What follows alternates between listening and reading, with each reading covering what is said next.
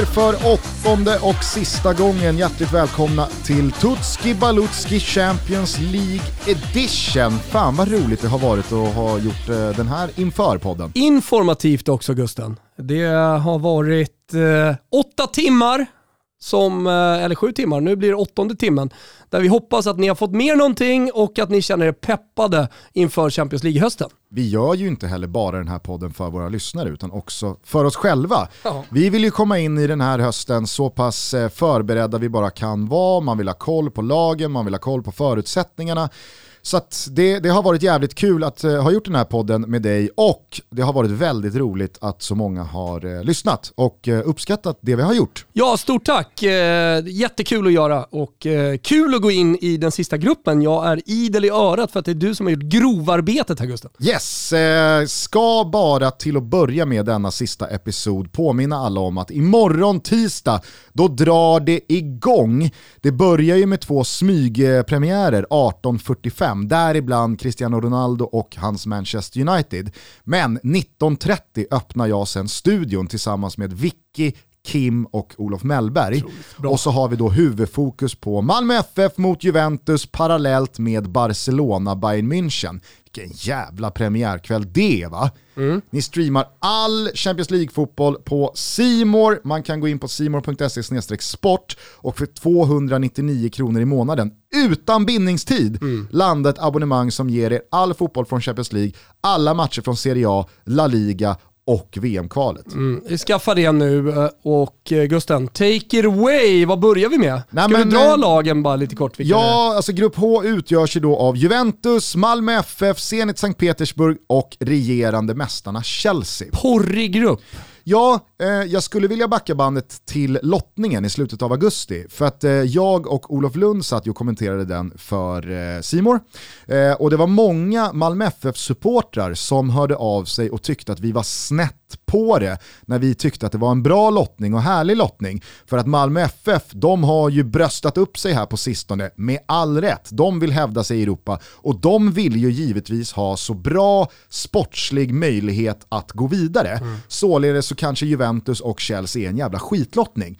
Men, det här vill jag säga till alla Malmö FF-supportrar, Malmö FFs deltagande i Champions League är ju inte bara deras. Nej. Alltså vi är många här i Sverige som bryr oss om Champions League, som tycker att det är roligt att Malmö FF är i Champions League och väl där hellre ser Malmö FF möta Juventus och Chelsea snarare än eh, Sheriff Tiraspol och eh, Wolfsburg. Ja. Om du förstår vad jag menar. Ja, ja, verkligen. Det är, det är en lyxig turist för alla svenskar. Så att för oss objektiva som förhåller oss liksom eh, helt eh, neutrala till Malmö FFs deltagande i Champions League så tycker jag, jag står för det, så tycker jag att det var en rolig lottning, det var en kul lottning, det var en bra lottning. Eh, sen så fattar jag också att Malmö FF har sämre möjligheter att gå vidare från den här gruppen än vad till exempel, vad ska vi ta, Salzburg har att gå vidare från sin grupp, som ni hörde i grupp G, alltså Wolfsburg, Lille och Sevilla som motstånd. Ja, men det fattar ju vem som helst. Men Malmö FF-supportrar, hej, det är, inte, det är inte bara ni som äger Malmö FFs deltagande i den här turneringen. Har man fått Malmö FF-supportrarna emot sig tidigt i avsnittet det, också? jag håller truten. Härligt, då är vi igång. jag är bara tyst. Men du Kör. fattar ju i alla fall vad jag menar. Du Jag sitter ju här och nickar med och ger två tummar upp. Och... Aj, aj, aj. Ah, ja. eh, det är i alla fall laget. Ska vi börja med Juventus? Ja, den gamla damen som faktiskt börjar bli gammal. Det är inte längre jättevitalt krut i den där gumman. Kanske får de tillbaka det vad det lider, men Juventus av idag, ja, det är klart att det, det glittrar inte lika mycket som det gjorde för bara några år sedan när finalen i den här turneringen både landades och fan i mig kändes rimlig. Vi kanske ska påminna alla om fjolårssäsongen, Andrea Pirlos säsong. Det var ju väldigt många som satte espresson i halsen, eller espressinon i halsen. När eh, Juventus klargjorde att eh, Maurizio Sarri skulle ersättas med Andrea Pirlo. Eh, du var ju en av dem, givetvis. Ja. Det, det var ju ingen som kunde liksom, eh, fatta att det skulle sluta så. Eh, men så blev det i alla fall. Eh, Juventus fick kriga för att landa en Champions League-plats i ligaspelet. Man havererade mot Porto och åkte ut redan i åttondelsfinalen rättvist, ska sägas. Eh, och eh, ja, en, en Coppa Italia-buckla det är inte mycket plåster på såren för eh, Juventini. Eh, inte efter det senaste decenniet med raka ligabucklor och eh, två gånger Champions League-finaler. Nu är ju då Max Allegri tillbaka och det är väl det nyförvärvet som verkligen sticker ut. Alltså Max Allegri nygammal på posten. Eh, det var ju först då Sarri som ersatte honom, som ersatte honom, sen då eh, Andrea Pirlo, men nu är Allegri tillbaka. Va, va, va, vad tycker du det sänder för signal? Vad landar du i att det är eh, för typ ja, men, av rekrytering? Ja, men jag, ty jag, tycker att det är lite mångbottnat. Eh, jag tror att allting grundar sig i att Paratici tog över eh, och att man inte hittade rätt direkt. Eh, alltså, det kändes som att Beppe Marotta hade mer tydlig långsiktig plan när han fortfarande var kvar i Juventus tillsammans med Paratici. Men att eh, man har hattat lite, man har inte riktigt lyckats staka ut vägen för framtiden hur Juventus ska ta sig hela vägen till den där Champions League-bucklan, vilket de drömmer om. Att eh, man kanske gjorde det lite för enkelt för sig genom att värva Cristiano Ronaldo. Eh, man, man, man, man glömde bort helheten som man ofta gör och stirrade sig blind på en spelare. Eh, och där, där tycker jag man misslyckades, ihop med några värvningar som inte har varit, ja men de, de har varit dåliga och inte fallit väl ut. Eh, så Eh, Eh, ett litet misslyckande och eh, samtidigt som man ser sig själv i spegeln och gör det bästa man kan göra, det vill säga tillbaka. Alltså man, man har ingen stolthet i att eh, Max Allegri en gång lämnade. Eh, och att, jag menar, han visar inte heller någon stolthet här, för han har ju pratat, det enda han har gjort är ju pratat om att han pluggar eh, engelska mellan kortspelen i Livornos hamn Eh, Eh, eh, men kommer också tillbaka här nu och, och vet, sväljer stoltheten. Det är väl kanske det då som är nyckelordet. Mm. Eh, men då så utöver eh, fjolårets väldigt skrala eh, resultat så ska vi ha med oss då att Allegri, han var med när Juventus brakade ur Champions League-kvartsfinalen mot Ajax. Sarri åkte ut med Juventus redan i åttondelsfinalen mot Lyon och så då eh, fjolårets uttåg mot Porto. Så det är ju ett Juventus med eh, rejält många törnar i den här turneringen som nu försöker på nytt. Vad gäller nyförvärv på spelarsidan så är ju den stora värvningen Manuel Locatelli. Eh, den ratade Milan-mittfältaren fick ju Sassuolo sitt stora genombrott med EM-guldet i somras som körsbär på tårtan. Weston McKennie blev definitivt en Juventus-spelare tidigare i år och comebackande Moise Keane plockades in från Everton sent under fönstret för att stärka upp anfallet. Såg ju ut att vara i fint slag här i slutet av eh, landslagssamlingen. Mm. Eh, smackade in ett par bollar mot Litauen här i eh, Italiens seger. Jag tycker att det är en fin spelare. Sen om han liksom kan bära ett Juventus, det vet jag inte. Han är fortfarande ung och sådär, men han behöver ju få något slags nytt genombrott. Ja, Eller det, till genombrott. Det går ju att sätta ett frågetecken kring vad han lyckades uträtta i Everton eh, på ett långt kontrakt. Han är ju jo, jag, ty jag han tycker när Ancelotti var där så var det någonting på gång. Men det har varit någonting på gång men inte riktigt, liksom, eh, jag ska säga, genombrottet har inte riktigt kommit. Nej. Eh, men det som eh, ändå imponerar lite på mig, det är att han, han går på lån till PSG, alltså ett lag som PSG. Jo men det var ju många som höjde på ögonbrynen för det. Ja. ja men att han väl där gjorde det bra. Alltså, mm. så ja, det, det, och jag menar herregud, han, han köptes ju till Everton av en anledning för stora pengar från Juventus för att han hade gjort det bra där. Nu är han tillbaka i samma miljö. Ja, det gör han väl. Och han ska vara som bäst om fem år. Man har också värvat eh, Mohamed Ihataren från eh, PSV, men eh, den mittfältaren lånades omgående ut till Sampdoria. Den unge brasilianska anfallaren Caio Jorge anslöt också från Santos, men det återstår väl att se om han lyckas få någon speltid här under hösten. På utsidan så hittar vi en viss Cristiano Ronaldo som efter många om och men, det började ju med att det bråkades redan inför ligaavslutningen i våras, när han inte fanns med i startelvan, men det dröjde alltså till slutet av fönstret innan han till slut tog sitt pick och pack och återvände till England. Men Gigi Buffon har ju faktiskt också lämnat organisationen och det tror inte jag att man ska underskatta. Alltså, ja, spelar i Parma i Serie B. Ja, med Mats Elvendal som eh, Exakt. målvaktstränare. Nej, men du har ju genomgående under den här eh, programserien pratat om att vissa spelare är da Juve framförallt, eller då da Bayern München. Vilket storlag ja. som helst. Exakt. Gigi Buffon är ju en målvakt som efter att han kom tillbaka från det där märkliga året i PSG Ja. eh, har varit väldigt tydligt tvåa bakom Chesney. Eh, men han har ju fått sina matcher, han har fått sin speltid och jag slås alltid av, i synnerhet här under coronafotbollen när det har varit tomma läktare, hur jävla mycket mer Buffon låter, vilken pondus han har, vilken självklarhet han liksom dominerar sitt straffområde med, hela backlinjen ser tryggare ut. Det är liksom inga tveksamheter när Buffon står kontra Chesney. Och det har man ju sett inte minst den här säsongsupptakten, alltså Chesneys insats mot Udinese, den är ju smått skrattretande. Eh, men kanske framförallt i Buffon så har det försvunnit någon som under snart 20 års tid har garanterat en viss mentalitet, en viss självklarhet, en pondus, en jävla skräckinjagande respekt som jag inte ser man har ersatt. Nej. Jag håller med. Eh, dessutom så har eh, Meri Demiral lämnat eh, för att ersätta Christian Romero i Atalanta och ja, av liksom namnkunnighet så är det det som har hänt Ja. på utsidan. Eh, vad gäller det som eh, det snackas om så är det ju utöver det vi redan nämnt då, att Allegri är tillbaka, att Juventus nu ska fejsa en verklighet utan Cristiano Ronaldo.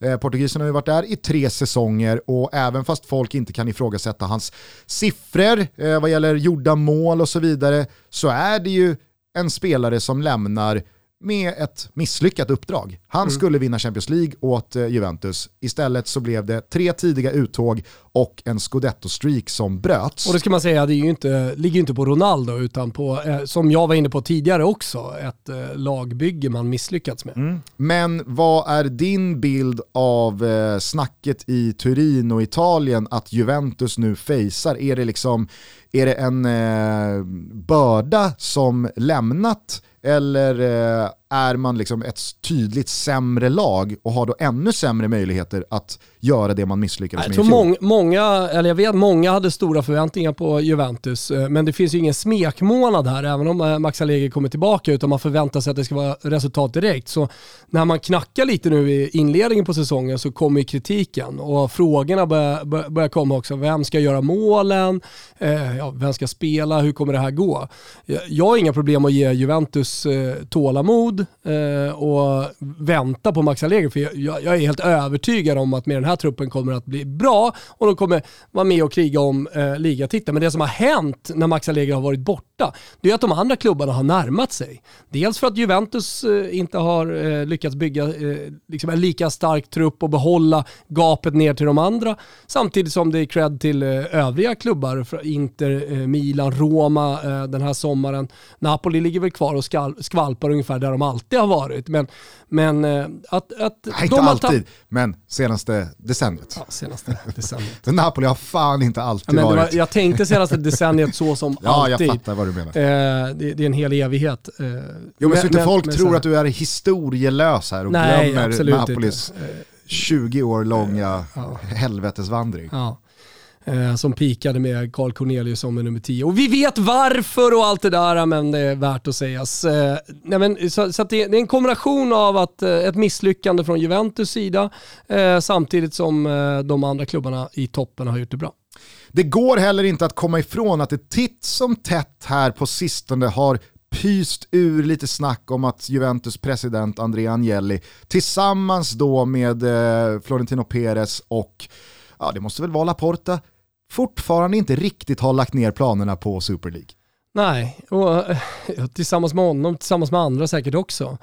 De gillar inte monopolet som Uefa har. Det är i alla fall inte stendött, eh, Super League. Det är det inte. Så att, eh, det, det kan jag ha mer in här Mm. i höst. Nej, men det är fortsatt, fortsatt diskussioner. MVP, svårt. Jävligt Ja. svårt tycker jag när det kommer till eh, Juventus. Eh, Det, det, det naturliga, i alla fall initialt, var Paolo Dybala. Att han då liksom eh, befriad då från Cristiano Ronaldos spotlight nu återigen kan ja, men spela på sin fulla potential, vara centralfiguren i anfallsspelet. Och det är ju en fantastisk fotbollsspelare. Men nej, det var någonting som inte liksom kändes helt rätt i att Dybala är MVP. Men Buffon som har lämnat så känner jag lite Giorgione Chiellini här. Ja, alltså jag tänker också Bonucci, Chiellini, är det MVP? Men så finns då Matthijs de Ligt i liksom, eh, den där mittbacksuppsättningen. Och då blir det ju lite svårt att känna att någon av de här ska vara MVP. Eh, är det kanske rent av Fede Kesa som efter fjolårssäsongen och inte minst då EM-guldet ska vara den som steppar upp här nu och leder Juventus in i en ny era? Ja, äh, jag landar i att ska Juventus uträtta det Juventus vill uträtta här så är MVP Wojciech Szczesny. Han kan inte hålla på som han har gjort hittills, utan nu är det fan upp till bevis. Nu har Buffon lämnat definitivt, en gång för alla. Ska Juventus göra någonting här, då är det Chesney som måste visa att han är en världsmålvakt. För att hittills, det finns vissa som på riktigt menar att äh, men jag tycker att Chesney är där. Jag vet inte ens om jag tycker att Chesney är 4 plus. Nej. jag är också inne på starka tre, svaga fyra i så fall. Mm. Alltså visst, det är en stretch att kanske mm. gå MVP till Chesney, men du fattar hur jag tänker. Men MVP ska ju vara lite bäst i laget också tänker jag. No. Alltså, så jag håller med om att hans, hans insats blir viktig, men det finns för mycket tveksamheter kring honom. Albin men, Ekdal är ju inte eh, Sveriges bästa spelare, men det är Sveriges viktigaste spelare. Ja, absolut. Ja, Det, det, det, blir Chesney. Jo, ja. Ni får säga vad ja, ni vill. Det, alltså, så här, någonstans tror jag att Chiellini kommer bli jävligt eh, avgörande om han håller sig frisk och, och kan spela. Jag, jag tycker också att eh, Federico Chiesa är lite av en MVP i det här laget också. Jag nämnde dem som potentiella MVPs. Vem är vår gubbe då? Är det svenskt? Det är Dejan Kulusevski. Herregud vilken jävla spelare det här är. Eh, allt från eh, ja, men arbetskapacitet till teknik, till bolltransport, till att curla in den i bortre, till eh, attityden i intervjuer, till eh, mentalitet vad gäller att komma tillbaka från motvind och uppförsbackar. Han har gjort det i Parma, han har gjort det i Juventus, han har gjort det i landslaget. Nu, post-Ronaldo, han blev kvar. Jag vet inte hur konkret det egentligen var att han skulle lämna Juventus i slutet av fönstret där. Men det snackades i alla fall om det eh, lite lätt där sista dagarna. Jag tror att eh, det här kan bli riktigt, riktigt bra. Mm. Ja, och eh, som du säger, alltså Ronaldo borta, mer speltid. Eh, närmare mål förmodligen blir det för, eh, för Kulusevski. Och Juventus spelar på alla fronter, det kommer, det kommer bli speltid. Eh, det kommer definitivt inte vara en bärande spelare som spelar 38 omgångar och startar varje Champions League-match, men han kommer spela mycket. Och förhoppningen är ju att han kan, efter den lilla svackan som på många sätt var väldigt väntad, vintras, tidigt i våras och så vidare, kom tillbaka, avgjorde kuppfinalen, gjorde ett starkt EM när han väl eh, var eh, fit for fight igen efter coronan, och nu inlett den här säsongen då med landslagsinsatsen mot Spanien. Eh, han eh, har ju inte eh, fått eh, megaförtroendet av Max Allegri här initialt, men det har ju varit liksom en period som är skev för Juventus med då Ronaldo, var kvar, han lämnade, man började med en eh, liksom, slarvig eh, poängtapp mot mm. Udinese, man fortsätter med en jävla märklig match mot Empoli. Ja, alltså, jag, jag, jag, tror att med Ronaldo borta, med Kulusevski kvar, Moise Keane, det är inte riktigt Kulusevskis eh, tydligaste konkurrent, eh, utan det är snarare någon slags avlastning till Morata. Mm. Eh, så tror jag att Allegri kommer omvärdera Kulusevski också. Mm. Jag tror också. Eh, så att, eh, vi hoppas på en jävla fin säsong eh, och höst då inte minst för Kulusevski. Ja, Il Rubelino, äntligen dags. Eh, och när vi har knåpat här så tror vi ändå att Juventus eh, kommer tvåa i gruppen. Eh, vi kommer till de övriga, övriga lagen och varför man kommer tvåa, men de kommer tvåa i gruppen, men man åker i åttondelsfinal. Jag tror att det blir viktigt också att prestera i ligan. Och att kanske man känner i Juventus att man tar ett steg tillbaka, man är inte redo för den där finalen. Även om Max Allegri har varit där men, men sett till hur de andra topplagen i Europa har värvat och hur de ser ut rent truppdemografiskt så eh, är man inte riktigt där. Uttåg tidigt eh, och sen så får man eh, liksom bygga det här ytterligare då till nästa säsong. Man hittar Il Rubelino och alla andra rublar borta på Betsson.com eh, under godbitar. Boostade odds, kom ihåg att ni måste vara 18 år och att stödlinjen.se finns. Champions. Vi eh, drar snabbt vidare till de regerande mästarna Chelsea. Oj, går det hårt där? För vilken jävla fjolårssäsong det blev. Någonstans kring Lucia Då var det inte många som trodde att Chelsea fem månader senare skulle stå och lyfta den där pokalen. Eh, Frank Lampards eh, lagbygge satt inte ihop överhuvudtaget, trots väldigt fina värvningar under eh, sommarfönstret för ett år sedan. Det spretade åt alla håll, man förlorade mot så oerhört mycket svagare motstånd på pappret. Eh, I synnerhet Timo Werner fick det inte att stämma alls. Man lottades mot Atletico Madrid som där och då flög fram i La Liga och man kände att nej, det här kommer inte gå. Alla kommer nog ihåg vad som hände sen. Lampard fick eh, dojan, ersattes med Thomas Tuchel och sen så fick vi bevittna kanske den eh, bästa förvandling som skett på kortast tid under en tränare i fotbollshistorien. Ja, jag tänker på Di Matteo, men det var inte riktigt samma sak. Det var ju så tydligt inte rim också. Verkligen Chelsea, så. Och mycket mer stolpe in ja, i matcherna. Definitivt. Än, än vad Tuchels Chelsea hade ja, i våras. Ja, de har varit en ångvält och verkar ju fortsätta på samma inslagna väg. Mm. Eh, det var ju en eh, Champions League-seger som till slut blev odiskutabel. Jag tycker att man vinner rättvist i alla steg. Åttondel, ja. kvart, semi och finalen. Visst, det var en första halvlek eh, mot City i finalen som hade kunnat gå lite hur som helst. Och sen tvingas Kevin De Bruyne utgå med knäckt snok. Men när slutsignalen ljöd så gick det ju inte att säga någonting annat än att Chelsea var värdiga mästare. Det var jävligt imponerande. Eh, man eh, hämtade upp allting i ligan också, landade en eh, ny Champions League-plats där. Man hade alltså gått in i turneringen även om man inte hade vunnit. Dessutom så gick man hela vägen till Wembley i fa Cup-finalen, men fick se Juri Thielemans skicka in en riktig busterstrut och torska den. Det var Chelseas fjolårssäsong Eh, sen dess så har det ju eh, hänt grejer, i alla fall vad gäller en spetsvärvning till anfallet och det är givetvis Romelu Lukaku som hämtats in för Jarden från Inter. Man plockade även in Saul Mm. Eh, på lån från Atletico Madrid. Oväntad värvning måste ja, man säga. Oväntad men jag tror att den är smart. Ja, ja, absolut. Det är ju en fantastisk fotbollsspelare att kunna bredda en trupp med. Kan ju spela på de flesta positioner eh, över ett mittfält och eh, han har rutinen. Jag mm. tror att han också kan få en jävla nytändning. Han har ju varit i Atletico Madrids organisation i, räcker tio år? Ja, nej, men jag tittade lite på det där innan. Sundsvall, när, när Sundsvall brann, det var då. Då var Saul i Atletico Madrid. Eh, även Trevor Chaloba är tillbaka efter ett säsongslångt lån i Lorient i Frankrike. Så att det är ungefär det som hänt vad gäller spelare folk känner till. Utöver Chaloba och Saul, vad vill du säga om eh, förstärkningen med Lukaku? Ja, det, alltså, man, man släpper ju Tammy Abraham, du kommer in på det. Eh, så det, det, det, är ett rakt skifte där. Eh, man, eh, det, det, finns ju någonting att fundera kring. Halvrakt skifte i och med att man släpper Abraham och Giroud.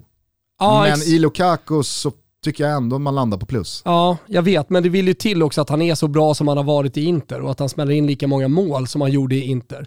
Eh, för det är två bra spelare som lämnar trots allt. Eh, men jag tror att det är bra för alla. Det är så att säga win-win-win. Eh, ah, kanske inte för Inter då. Jo, jag tror fan det. I slutändan så blir det win-win-win. Det blir win för Inter. De har eh, gjort det jättebra med Korea och med Dzeko. Ja, och, så, och, så, och så överlever de ekonomiskt. Ja, alltså, det, det, ska inte underskattas Det ska definitivt inte underskattas.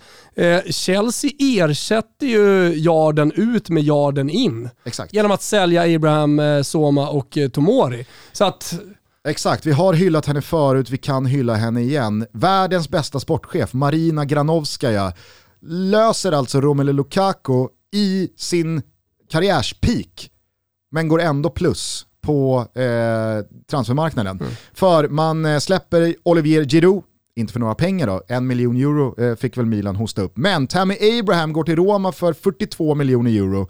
Kurt Soma lämnar för West Ham för Trolig någonstans runt 25-30 miljoner ja, pund. Vilka pengar att få in här. Och Fikayo Tomori eh, skickas också för stora pengar till Milan, var ju utlånad till eh, Italien i våras. Man får också in lite liksom så här skrot för Victor Moses, mm. 5 miljoner euro. Ja. David Zappacosta, 9 miljoner euro? Mm. Ja, men det, är liksom så här. Det, det är sånt sportcheferi här. Eh, Emerson Palmieri, Billy Gilmore, Ethan Ampadu och Michi Batshuayi har dessutom lämnat på lån.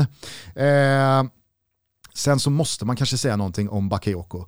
Världens märkligaste men Chelsea-sejour. någon- Och då finns det någon- många märkliga Chelsea-sejourer att tävla med. Ja. Eh, Men han är ju alltså då tillbaka på lån i Milan efter att ha varit utlånad till Milan, sen Napoli, nu tillbaka i Milan.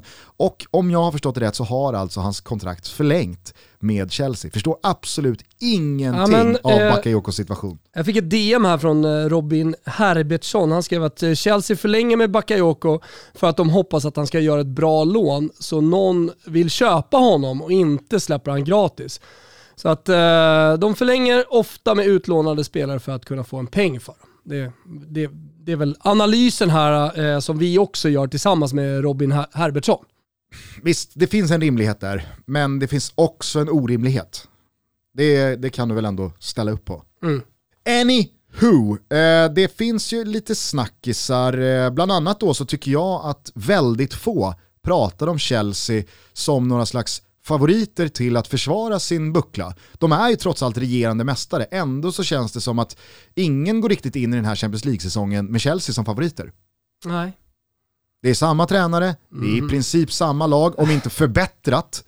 Det finns ju andra som har förbättrat också. Jo, PSG jo. till exempel. Jag, jag, jag, jag fattar ju att liksom så PSG av den här säsongen är ju ett helt annat lag. Men du kan väl ändå hålla med mig om Jo, att men favoriter är de ju inte. Det, det, det är väl fakta. ja, nej, men det, det, är väldigt få som, det är väldigt få som tidigt säger Chelsea. Ja. De, ska, de, de, de är med, topp fyra. En annan snackis är ju Timo Werner. Detta... Sen är det väl också att, här, att vinna back-to-back, det är bara Real Madrid som har gjort. Ja, ja visst, visst absolut. Men eh, en snackis är ju Timo Werner. Eh, alltså tysken som värvades in från Leipzig inför Ska vi i fjol. göra med honom? Ja, jag vet Ska inte. att- gjorde, brände någon superläge här med Tyskland nu också? Ja, alltså, öppet ja, men det, var, det var ju Timo Werner-bränning från Timo Werner mot Island här i Tysklands sista Just landskamp. det. Och hela hans kroppsspråk alltså, signalerar ju att Vad fan är det som ja, händer? nu vet han också. Ja, Ja. Alltså, kommer du ihåg när Dzeko i Roma hamnade i det där? Ja, det går inte ens att jämföra höll jag. Torres har varit i samma situation i Chelsea. Absolut. Men nu skriver vi ett år av Timo Werners förbannelse som inte ser ut att brytas. Problemet Få åka nu... till någon afrikansk häxdoktor. Ja, jag, jag vet, jag vet fan inte någon, vad han ska göra. nå- någon brygd. Men problemet här, med tanke på att man släppt Giroud, man har släppt Abraham, man har lånat ut Batshuayi, det är ju att Timo Werner kommer så tydligt vara tvåan, och typ den enda tvåan, bakom Lukaku. Och Lukaku kan inte spela alla Premier League-matcher, alla Champions League-matcher, alla kuppmatcher när de väl börjar spelas. Så Timo Werner vet ju att det, det måste bli ändring på detta sumperi, för det här går inte längre. Han är inte MVP.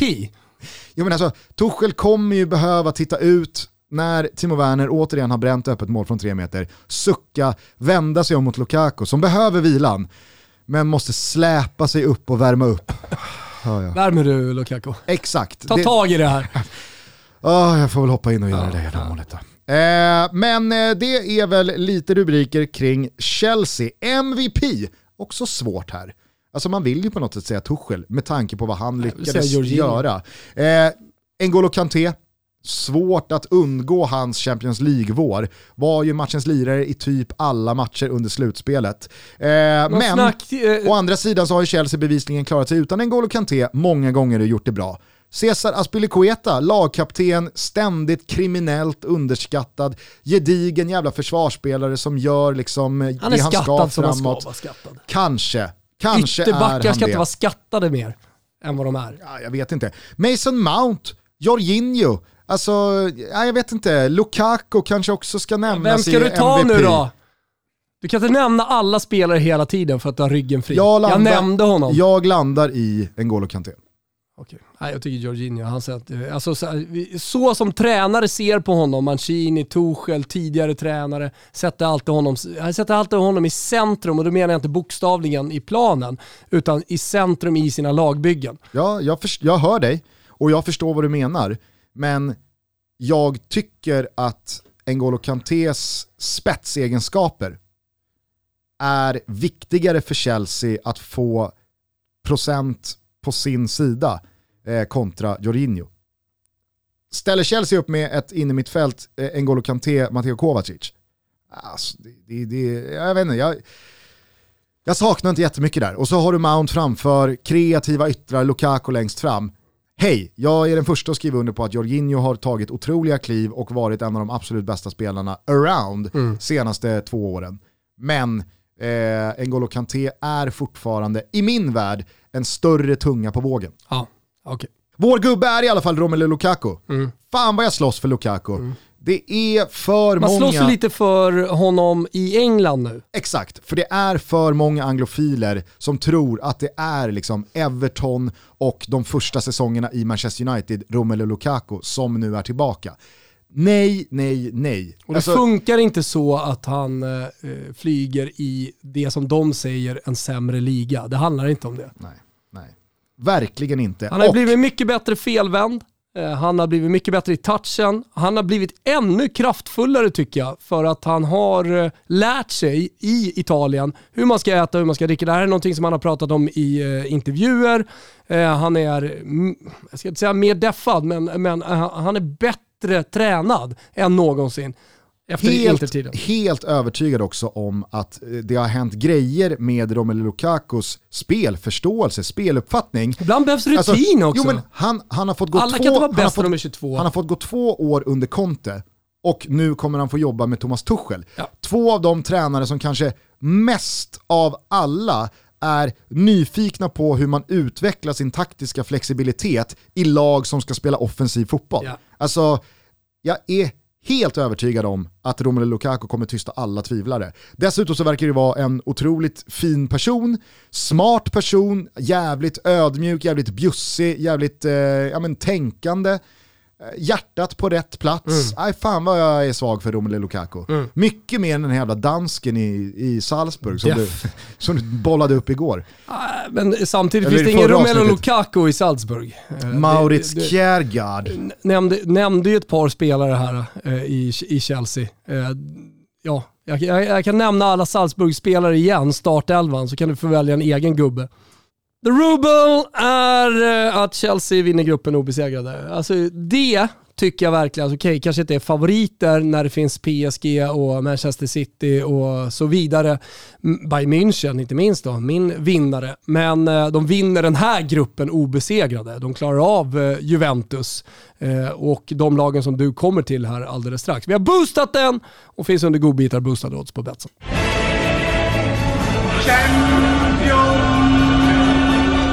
Toto är denna vecka sponsrade av Max Burgers. Hörni, eh, ni vet eh, George Costanza, vår loser-favorit i Seinfeld va? Som Gugge alltid tjatar om, inte minst. En av hans mest klassiska repliker, hur lyder den? Worlds colliding.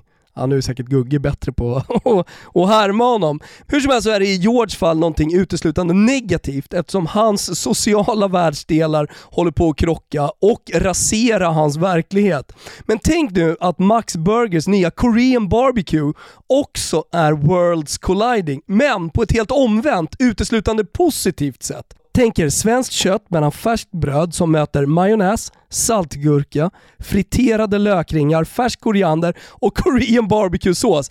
Äh men sick! Seouls bakgator, bao buns och koreanska aromer. Äh men ni hör ju själva. Korean barbecue finns just nu på menyn och alla Max-restauranger. Lätt att beställa via appen och givetvis tillgänglig även med de gröna alternativen halloumi och plant beef. Kom ihåg, Worlds colliding, fast på ett bra sätt. Vi säger stort tack till Max för att ni är med och möjliggör Toto Balotto.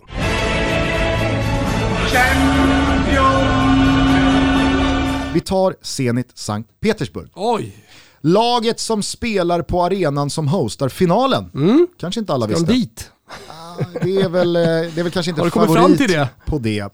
Eh, vill du ha en recap av fjolårssäsongen? Ja, kör! Tränare Sergej Semak den är Zenit Sankt Petersburg-legendar, äh, legendar kanske är att ta i, men han har en jävla gedigen historik i Zenit. Först som spelare då, han avslutade sin karriär där 2013. Blev sen ass under Luciano Spalletti, eh, blev sen caretaker eh, och hade huvudansvaret innan då Andres Vias Boas eh, kom dit och eh, återigen... Eh, Gjorde en avstickare från savannen. Hade Semak som ass. Sen så försvann han från organisationen men återvände för tre år sedan och det här äktenskapet, fan vad det blomstrar. För i våras så landade Sergej Semak och Zenit klubbens tredje raka ligatitel. Addera någon eh, kupptitel och ni förstår att det här är ju en eh, gyllene tid mm. i Zenit Sankt Petersburgs stolta historik. Man har dessutom inlett årets ligasäsong med 4-2-0 eh, på de sex första omgångarna, så att man toppar ju den ryska Premier League-tabellen åter mm. igen. Mm. Vad gäller nyförvärv så öppnade man den stora pluskan för den offensiva mittfältaren Claudinho. Drygt 120 miljoner betalades till, håll i dig nu Tompa, Red Bull Bragantino. Va, den brasilianska filialen. Skojar du? Nej. Men så alltid, alltid intressant med brassar som landar i öster med ja, men så, brasilianskt namn som man aldrig har hört, Claudinho. Varför landar inte han i en av de stora klubbarna? Det är ändå mycket pengar. Ja, men förmodligen för att han är lite för dålig. Det är Shakhtar eller Zenit som ja. ska landa i. Eh, utöver Claudinho så har mittbacken Dimitri Chistjakov och målvakten Stanislav Kritschuk anslutit, var på den sistnämnda var anledningen till att Alexander Vasjutin hamnade i Djurgården tidigare i år. Circle Jaha. of Life, eh, Domino och allt det där som vi gillar. Eh, på tappsidan så är den enda försäljning som gjorts vänsterytten eh, Sebastian Driussi som lämnat för MLS och Austin. Men Alltså, jag tycker mig ha fog för att vara lite orolig för Zenits vänsterkant. Det är ju dessutom så att man släppt Juri Kirkov oh, till slut efter nej. många år på free transfer. Eh, 38-åringen startade mot Belgien i EM-premiären men skadade sig så pass dags, illa att han fortfarande inte är i speldugligt skick. Han okay. satt på utgående och ja, Kirkov och Zenit har gått skilda vägar. Trist att det skulle sluta så. Oh. Men... Eller jag bryr mig inte. kanske, kanske, kanske en liten passning till eh, eh Daniel Andersson lyssna med Juri Kirkov. Ah. Alltså, vem behöver inte den rutinen? Vem behöver inte jo, men den? Vad är han i för skick efter skadan? Men hur jävla revanschsugen tror inte han är att knäppa Zenit på näsan när de nu springer in i varandra? Här, men det beror ju på vilket uh, fysiskt skick han uh, är i. Ett jävla paket som landar i Malmö. Jo men alltså Knudsen är skadad. Moisander är skadad. Jag hör det, jag hör det. Jag hör det. En skada på Sören Riks, ja. ja men då är det ju kanonläge att skicka ah, ut Juri Kirkov. Brasklapp för att jag inte har någon aning om hur illa skadad Kirkov är. Men det såg inte så jävla illa ut mot Belgien. Och det är ju för fan tre månader sedan. Så startar han mot Malmö i returen. Ja, kanske.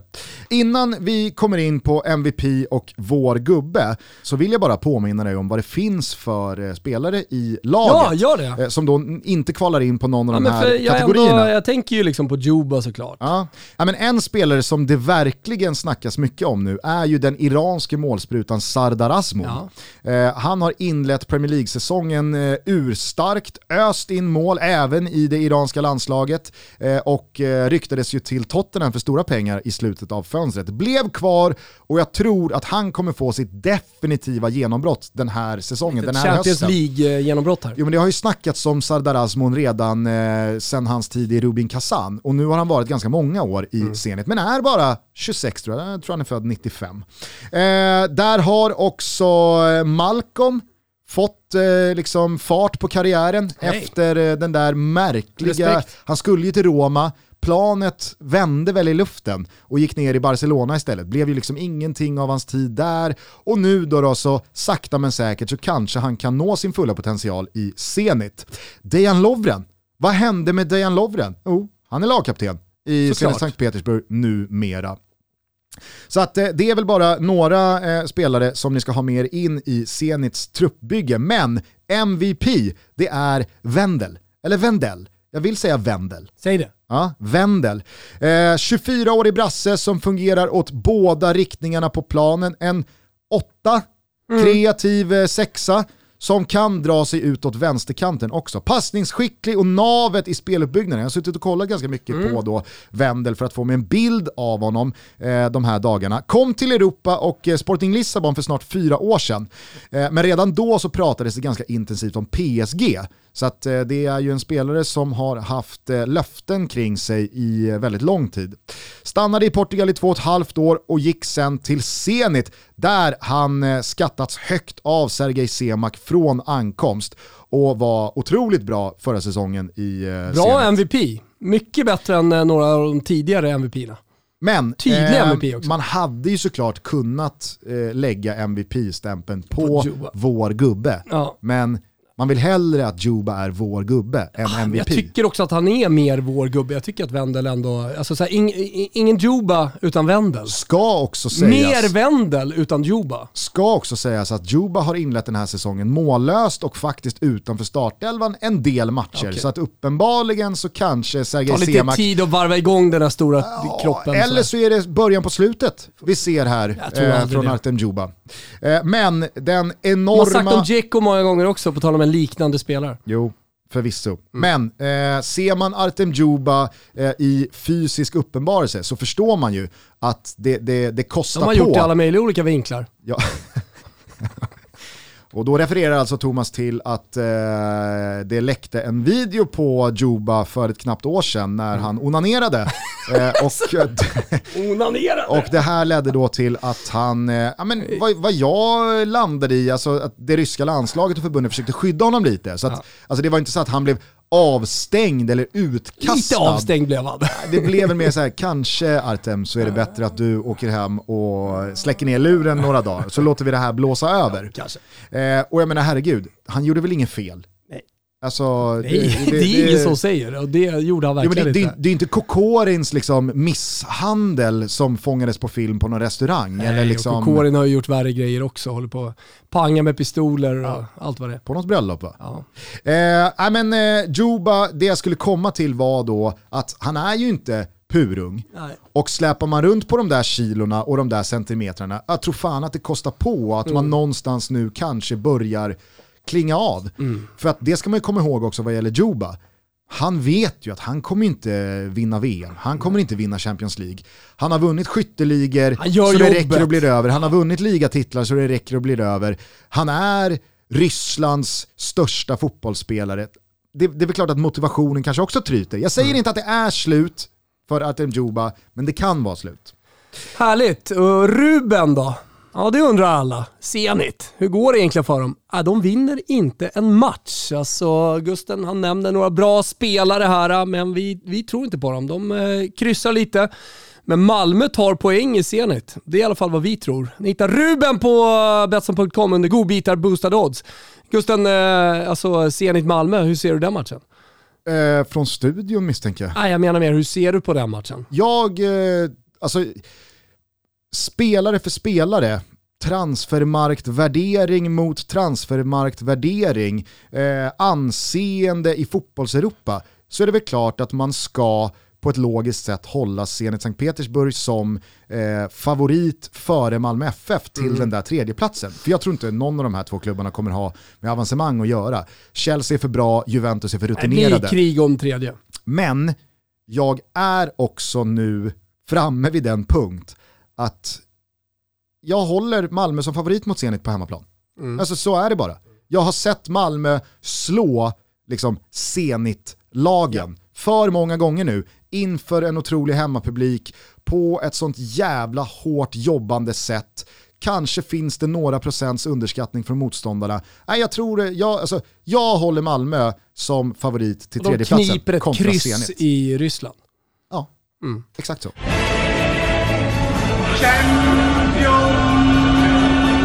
Och bryggan är ju eh, byggd. Den är gjuten. Här har ni den. Över till det sista laget! Eh, Tutski CLs första säsong, Malmö FF. Exakt, Malmö FF får avsluta den här säsongen av Tutski Balutski Champions League. 32 lag har vi gått igenom och nu är vi framme vid de himmelsblå regerande svenska mästarna. För det är ju nämligen så att man är i Champions League för att man vann SM-guldet i fjol. Och det känns ju som en evighet sen, men det är där vi måste börja för det är så ramen ser ut. Fjolårssäsongen var ju väldigt märklig, det kommer ju alla ihåg med coronan och den uppskjutna seriestarten och Peking som flög från början och alla utom var Thomas som trodde att det här skulle bli någon slags kamp om SM-tecknet. Det var ju klart innan kräftorna dukades upp och eh, OP-snapsen hälldes upp i man liksom putsar glas. kristallkulan alltså. Det, det, det är skönt. Det var ett eh, SM-guld som, eh, det, det, det, var imponerande. Malmö visade klassen och så fick alla andra slåss om det där bakom.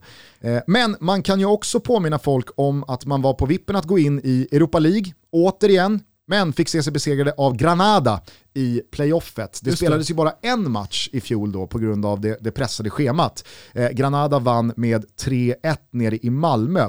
Hyfsat jämnt spelmässigt, men står det 3-1 på resultattavlan, då är det inte läge att hålla på och gnälla.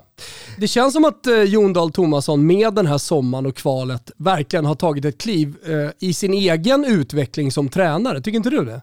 Verkligen. Alltså hans presskonferenser eh, från sommaren, de, de, de är minnesvärda. Det känns som att han har gått en intensivkurs hos Åge Hareide. Hur Ja. man gör en Men presskonferens. vad är det för pondus? Otrolig Jag, pondus. menar så här, jag, jag kan inte minnas hans första år i, i Malmö, presskonferenser eh, vi- alltså i, efter allsvenska matcher så, som man tänker speciellt mycket på. Ska- Finns säkert någon. Ska Kimpa klippa in hans svar på frågan från den skotske journalisten inför returen Tycker på. Ibrox när han får frågan är pressen på er eftersom ni leder eller är pressen på Glasgow Rangers som spelar på hemmaplan inför 50 000 hemmasupportrar? Don't you think that they need the Champions League's money here? I think so. I think they need that. I think that's a good answer, isn't it? Det är det jag snackar om. Episka ord. Ja. Episka ja, men, ord. Jag, jag vet inte om de är episka, men minnesvärda, det kan jag sträcka mig till. Ja, och nej, jag, jag tycker att eh, den här eh, långa vägen in via playoffet under den här sommaren har verkligen gett Jon Dahl Tomasson så jävla mycket rätt. Det har gett Daniel Andersson rätt som landade i honom. Vi satt ju i Toto Balutto för eh, ett drygt ett och ett halvt år sedan och var lite skeptiska. Jon Dahl Tomasson, vad har han egentligen gjort tränarmässigt? Är det här rätt val? Det här är en chansning, men herregud vad allt har blivit bra. Ja. SM-guld, sånär på Europa League-gruppspel, men det kanske var bra också för Malmö att i den här coronafasen inte dubbla för mycket. Man kom in i, i 2021 med eh, en, en, en stark trupp, man kunde satsa pengar som fanns eh, och så Och visste så man att nu jävlar som föll går väl för det. ut. Så att, eh, det är ett otroligt sportsligt arbete som har gjorts. Tomasson, men också ovanför från Daniel Andersson och hela egentligen klubben. Yes, för att på nyförvärvssidan så har det verkligen hänt grejer i år. Om vi backar bandet till inför den allsvenska Mm. säsongen så Är, hämtades är Malmö ju... FF, förlåt, enda laget i eh, Champions League som spelar vår-höst? Eh, ja, det är Nej, men det, ja, jag försöker tänka något lag i öst, något uppåt. Nej. Danmark, hur spelar de? De har inget lag De spelar höstvår. Har de något lag? Eh, nej, Bröndby åkte Exakt. i eh, playoffet Ja, mot Salzburg. Ja, precis. Ja, Anywho, jag tycker att det är på sin plats att backa bandet till eh, innan allsvenskan. För där hämtades ju två nyförvärv som sannoliken satt avtryck på vägen in i Champions League. Antonio Colak och Veljko Birmancevic. Eh, Colak från PAOK och Birmancevic från serbiska Cukaricki. Eh, och Colak är ju då på lån, det har snackats om att man ska göra den här övergången permanent. Jag tycker att Antonio Colak inte har gjort någon hemlighet om att han gärna ser det ske. Eh, medan då Birmancevic är Malmös till 100% för en miljon euro, får man ju säga är en transfersumma inte speciellt många andra svenska klubbar kan hosta upp.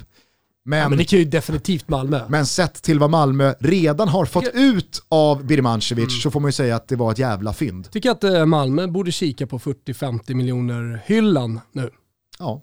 Nej men alltså, För att prata liksom konkret pengar. Jo, Vi men pratar ofta Colak, hyllor och så Colak, vidare. eh, det som nämns i Colak då, att göra den övergången permanent från PAOK, det är ju 3 miljoner euro. Mm. Ja, men 30 det som händer då, att fly, få honom att flyga och spela ute i Europa, det är att sälja honom för 100, 150, 200, vad vet jag, om det går, om det går jättebra. Det är det som är nästa steg för Malmö. Ja, eller så kan man då, alltså, i, vi vi ska komma ihåg det, att i Champions Leagues gruppspelsfas så är alltså en poäng värda ungefär en miljon euro.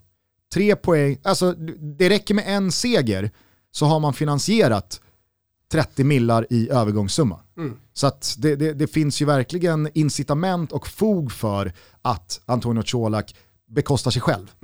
Det Eh, kom Pinitoro precis innan, kanske ska kommentera Malmö vad det lider här i Champions League. Det vet man inte. Nej, det får vi väl helt enkelt se och vi påminner väl återigen alla om att eh, man streamar all fotboll från Champions League på Simor. Hur som helst, eh, om Colak och Birmancevic hämtades in inför så har det ju hänt betydligt mer här nu i sommar.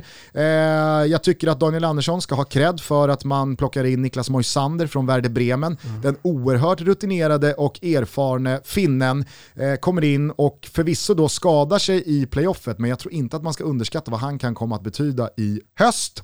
Sergio Peña, peruansk landslagsman som enligt alla sydamerikanska källor gjorde riktigt bra ifrån sig i sommarens Copa America. Han har plockats in från FC Emmen i Holland. Martin Olsson har värvats in från Häcken. Malik Abubakari har anslutit från portugisiska Moreirense och målvakten Ismael Diawara har bytt bruket i Degerfors mot Champions League i Malmö. Även Peter Gvargis, doldisen från Graham Potters Brighton-organisation, är tillbaka i Sverige och eh, tillhör eh, sen i eh, juni någon gång Malmö FFs organisation. Mm. Eh, kul bara med eh, Ismael Diawara som alltså ja, men, debuterar i allsvenskan så sent som i våras. Och eh, tror jag med det känner att fan vad, fan vad det går, oj oj oj, vind i seglerna och att man ska aldrig ge upp och hela den biten. Och så, så går det några månader, pang bom, till Malmö FF i och med då att Malmö på något jävla sätt lyckas kränga Marco Johansson till Tyskland. För typ så här sju millar. Jag vet inte fan hur. Men då Gångbart så... fotbollsnamn, Diawara. Ja, absolut. Men eh, Ismail Diawara hämtas in då till Malmö FF för att vara tvåa bakom Johan Dahlin. Vad händer? Jo, Johan Dahlin utgår skadad i Champions League-playoffet. Eventuellt hinner han tillbaka till Juventus-matchen, men annars så är det alltså Ismail Diawara som bara några veckor efter att liksom ha förberett sig för eh, Mjällby-matchen i Degen ska då ta sig an Juventus eh, i Champions League. Är han vår gubbe till och med? Nej det är han inte. Aha, okay. Du kan ta MVP först. Ja, men jag, jag tänker bara eh, kort, eh, innan vi hamnar där på spelartappsidan. Ja. Eh, utöver Marco Johansson så har Pavle Vagic lämnat, också 10 millar. Ja. Hur? Ja. Hur? Vet du fan, Daniel Andersson, vilken, mm. vilken jävla Eh, renässans han har fått. Mm. Kommer du ihåg när vi satt här för typ Absolut. ett och ett halvt, två år sedan och frågade, är Daniel Andersson immun mot ja. kritik? Mm. Är det ingen som vågar kritisera Daniel Andersson? Man, får, man, man måste få göra fel liksom på, på posterna, men man måste också kunna ta kritik när man gör fel. Det ja, men det kanske är hela liksom Malmö FFs eh, tredje sejour i Champions League på sju år. En manifestering över att Malmö FF är så oerhört mycket bättre än alla andra på att göra fel men fatta att man har gjort fel. Bra. Identifiera vad det var som blev fel Bra. och inte göra om det, utan korrigera det och sen göra rätt. Ja, Där bra. tycker jag att Malmö är jävligt, jävligt bra. De, de gör fel, men de fattar också vad som blev fel. Oj, Allan Kuhn, MP, eh, den här spelaren eller den här mm. värvningen, det blev inte bra. Vet du, bort med det och så mm. gör vi, gör vi om och så gör vi rätt istället. Mm. MVP! Marcus Antonsson är ju utlånad från Malmö FF till ja, ja, HBK. Ja, men skit i det där och Amin Sarr ja. är utlånad till ja, Mjällby, det, det är lite spelartapp. Det är Malmö det här. Ja, innan vi kommer till eh, MVP och vår gubbe, Kort bara, det finns ju en del snackisar, det finns en del rubriker. Framförallt så finns det en del skador. Johan Dahlin har vi varit inne på, Jonas Knudsen och Ola Toivonen, herregud, eh, de är ju out för eh, resten av hösten. Eh, Sergio Peña, vadskadad och så är ju Oskar Lewicki så pass skadad att han i alla fall fick tacka nej till landslagssamlingen här nu senast. Återstår väl att se Vill om han, han är liksom i spelduglig. till Grekland Känslan och så vidare. är att han hellre liksom, vara hemma. Ja, TBT ja. till när Oskar Lewicki planerade sitt eget bröllop på en matchdag för Häcken och eh, informerade dåvarande Häckentränare Peter Gerhardsson om detta bara tio dagar innan match. Eh, Peter, Peter, du vet nästa lördag då kan inte jag vara med för då gifter jag mig. Gerhardsson. Säg en del, men eh, respekt ändå. Exakt. Vi måste väl också bara säga någonting om styrkan Malmö har att hämta ur hemmapubliken ja. på eh, stadion. MVP nästan. Nästan faktiskt. Ja. Alltså, Tolfte spelaren MVP. Ja. Uh, I Men, alla fall konkur i konkurrens med den gubbe du har valt ut. Ja, för att MVP är hur många värvningar som än har landat i det här laget, Anders Christiansen. Ja. Vilken spelare. Ja. Vilken jävla spelare det är. Och det jag tycker är häftigast med Anders Christiansen, det är att trots hans ålder, och visst, han är inte 40 bast, men han är 31, så upplever jag att han har utvecklats. Han har framförallt höjt sig i takt med att Malmö har hämtat in kvalitetsspelare på kvalitetsspelare på ett sätt som man kanske inte har gjort eh, ACs senaste säsonger i klubben. Men nu så har det anslutit spelare som har pressat upp Malmös kollektiva nivå, men kanske individuella nivå på en eh, liksom barriär som har fått Christiansen att inse att jag måste också höja mig. Och jävla vad han har höjt sig. Fy fan vad bra han är. Ja, men jag tycker inte man kan bli tydligare MVP än vad AC i, i, eh, i Malmö. Han är betydligt eh, tydligare MVP än vad Chesney är i Juventus om jag säger så. Mm. Äh, och sen, så, sen så kan folk då eh, prata om eh, Johan Dahlin eller Anel Ahmedhodzic eller nej, Anders Christiansen är Givet, MVP. att, han, han, det, det, om, han, om Malmö ska flyga så måste an, eh, Anders Christiansen flyga. Vår gubbe, Velko Birmancevic. Ja. Vilken förälskelse. Det här är ju ingenting man behöver skämmas över, men eh, backa bandet ett drygt halvår hade man ju aldrig hört talas om den här gubben. Nej. Alltså, sen så har man ju förstått att han fanns på AIKs radar, men att Gnaget kanske brända av eh, Kirpic, Kirpic-värvningen för några år sedan, att nej, den där, den där fällan går vi inte i igen. Eh, men eh, Ola Lidmark Eriksson, Fantomen, vår gode vän, han var ju tidigt på när då Birmancevic anslöt till Malmö att det här är en spelare som... Han hade dykt upp i hans system. Ja, och på alla sätt och vis med mm. hans siffror inte hör hemma i allsvenskan. Nej. Han skulle till någon större liga och det har man ju sannoliken sett här. För att dels har han ju varit otroligt bra, men han är ju vår gubbe för att han är så oerhört mm. underhållande att titta på. Mm. Jävla härlig fotbollsspelare. Ja, fantastisk. Vår gubbe Birmancevic, eh, Gustav, vill du ha Malmö trea i gruppen eller? Jo men det, det, tror jag verkligen att man gör och jag tror att man givetvis lägger grunden till det genom att slå Zenit Sankt Petersburg på hemmaplan. Där jag eh, redan redogjort för att jag håller dem som favoriter. Men jag tror också att Juventus här i premiären, det är post-Ronaldo, det är eh, en, en, en svajig säsongsinledning resultatmässigt. Men framförallt, jag har varit med så pass många gånger att Juventus vet att det inte är bråttom i första omgången. De får väl växla upp om det behövs sen. Så jag tror att ett Malmö som haft tid på sig här under landslagsuppehållet att verkligen analysera, fokusera, få tillbaka en eller två, tre gubbar från skador, publiken liksom kraftsamlar, går man ur huse utifrån den restriktionen som finns. Jag tror att Malmö kan ta en pinne av Juventus här. Gör de inte det, men Vadå, du landar i att de tar över 4,5 poäng? Ja, jag tror det. Okay. Jag tror att Malmö kommer ha en riktigt rolig Champions League-höst. Då tar jag, jag tar tag i det här direkt. Jag messar Limpan på Betsson och så skriver jag Malmö tar över 4,5 poäng. Sådär! Eh, då får Betsson se till att boosta den här Ruben. Ni hittar dem under godbitar, boostade odds. Tänk på att ni måste vara 18 bast om ni ska spela och att eh, stödlinjen.se finns.